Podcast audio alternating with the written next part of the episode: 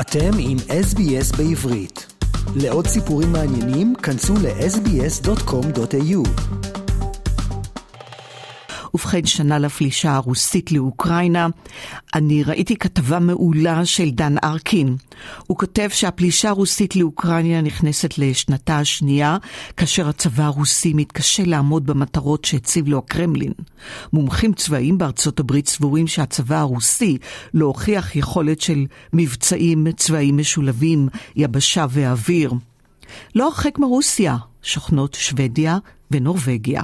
קרובות, גובלות, שותפות לשפות ולדתות דומות, אורח חיים ומנטליות דומה של תושבי הצפון. היעלה על הדעת, אה, שואל דן ארקין, שבוקר אחד תתנפל שוודיה על נורבגיה, או שצבא נורבגיה יישלח לכבוש את סטוקהולם? לא יעלה על הדעת בין שתי מדינות שיש בהן הרבה מן המשותף. אבל כך קרה לפני שנה. שנה למלחמת אוקראינה. מעצמת על מול מדינה דומה באורח חייה, שפות קרובות, דתות דומות. אחת שואפת למשטר דמוקרטי, השנייה מדינת שליט יחיד שהחליט לפלוש למדינה השכנה, כי לדעתו אוקראינה בכלל אינו עם, והיסטורית היא חייבת להיות חלק מרוסיה הגדולה. בנוסף, היא גם שואפת להיות חברה בנייטו, האויבת הגדולה של פוטין, ויש לה לאוקראינה שאיפות למשטר דמוקרטי. ובכלל זה זלנסקי מאוקראינה אינו לוקשנקסקו מבלארוס, ועל כך נטל פוטין חירות לעצמו ב-24 בפברואר אשתקד לשלוח צבא להשתלט על אוקראינה. וכך לנגד העולם החופשי בשנת 2022 בלב אירופה. התנפלה מעצמה על מדינה שכנה, הרגה אלפי בני אדם, הרסה ערים, עיירות וכפרים, אימה בנשק גרעיני, והעולם לא עשה כלום כדי למנוע את המלחמה, ועדיין לא מתערב פיזית כדי לשים קץ למלחמת כיבוש שנכשלה, והפכה למלחמת התשה שגובה חיי אדם והרס, וסופה איננה נראה לעין. לרשות העולם עומדים כיום האו"ם, מועצת הביטחון, האיחוד האירופאי, השוק האירופאי, נאט"ו, בריתות הגנה שונות בין מדינות, ואף אחד לא החליט לשלוח חייל לסייע לאוקראינה. בקיצור, אין מנגנון שימנע ממדינה אחת לפלוש לאחרת כדי לכבוש אותה ולהרוג באזרחיה, וזהו מצב חמור שיש לקחת בחשבון, כותב דן ארקין. הוא אומר שפוטין ידע שהעולם לא יתערב, כפי שלא קרה בקרים כמה שנים לפני כן. שירותי המודיעין של בריטניה וארצות הברית עקבו וזיהו והתריעו שתהיה פלישה והם צדקו. עד מועד זה של שנה למלחמה התברר לעולם שנשיא רוסיה טעה בכל חישוביו. ממבצרו בקרמלין, הרחק מחייליו שאותם בקושי ביקר, הצליח פוטין להרוג, לזרוע הרס, לעורר נגדו עשרות מדינות שלא שלחו חיילים, אבל התגייסו למבצע סיוע צבאי אדיר ממדים. אז מה מתכנן פוטין שנה אחרי הפלישה? אנחנו לא נדע. מומחי מכון אה, מחקר בארצות הברית, אטלנטיק קאונסל, סבורים שפוטין מתכנן מלחמה ממושכת אולי חודשים, והוא מכין uh, מבצע גיוס המוני נוסף.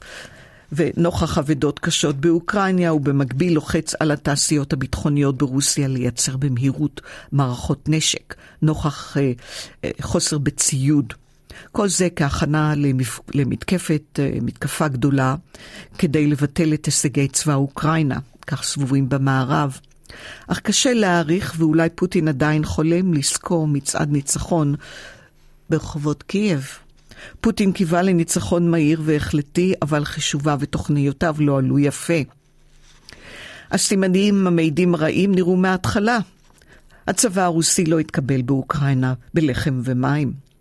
לא התממשו תקוות הקרמלין להתמוטטות מהירה של צבא אוקראינה. להפך, האוקראינים לחמו היטב, בעזרת ציון מיושן בתחילה, לפני שהגיע סיוע מעולם, ועשו שמות בטורי הטנקים הרוסים שגדשו את הכבישים הראשיים. הנסיגה מהעיר חרסון נחשבה כמטלה אישית לפוטין, עד שבשלב מסוים החליט לנקוט בטקטיקה ואסטרטגיה של הפצצות מסיביות מהיבשה ומהאוויר כדי להרוס תשתיות חשמל ולהחריב אזורי מגורים. ומומחים צבאיים בארצות הברית סבורים שהצבא הרוסי לא הוכיח יכולת של מבצעים צבאיים משולבים, יבשה ואוויר, וטנקים, ולא התקדמו במלחמה הזאת כמו שהם רצו. וראש אמ"ן לשעבר, אלוף בדימוס תמיר הימן, כתב שזו המלחמה הדיגיטלית הראשונה. מבחינת המודיעין נעשה שימוש במידע גלוי במרחב האינטרנטי, תצלומי לוויין מסחריים חשפו מקומים ועומסי פעילות, והיה שימוש בחומרים אה, שפורסמו ברשתות החברתיות. אז אה, מעניין. האוקראינים מלכו, ניהלו מלחמת מידע והרוסים ביצעו מעשי ומבצעי הונאה, ועוד לפני הפלישה הפיצו ידיעות כזב על נסיגת כוחות צבא אה, הצבא מאזור הגבול האוקראיני, והתברר שזו הייתה הונאה מאורגנת, כאשר הצבא הרוסי נערך בשטח לפלישה. השנה חלפה, והטובים שבקציני המודיעין והאנליסטים בעולם לא יצליחו לנחש מה מתרחש במוחו של פוטין ולמה הוא מסוגל ומה הוא יחליט לעשות מחר בבוקר. מודיעין כוונות של מנהיגים הוא תחום מאוד קשה, כותב דן ארקין. עקבו אחרינו והפיצו אותנו דרך דף הפייסבוק שלנו.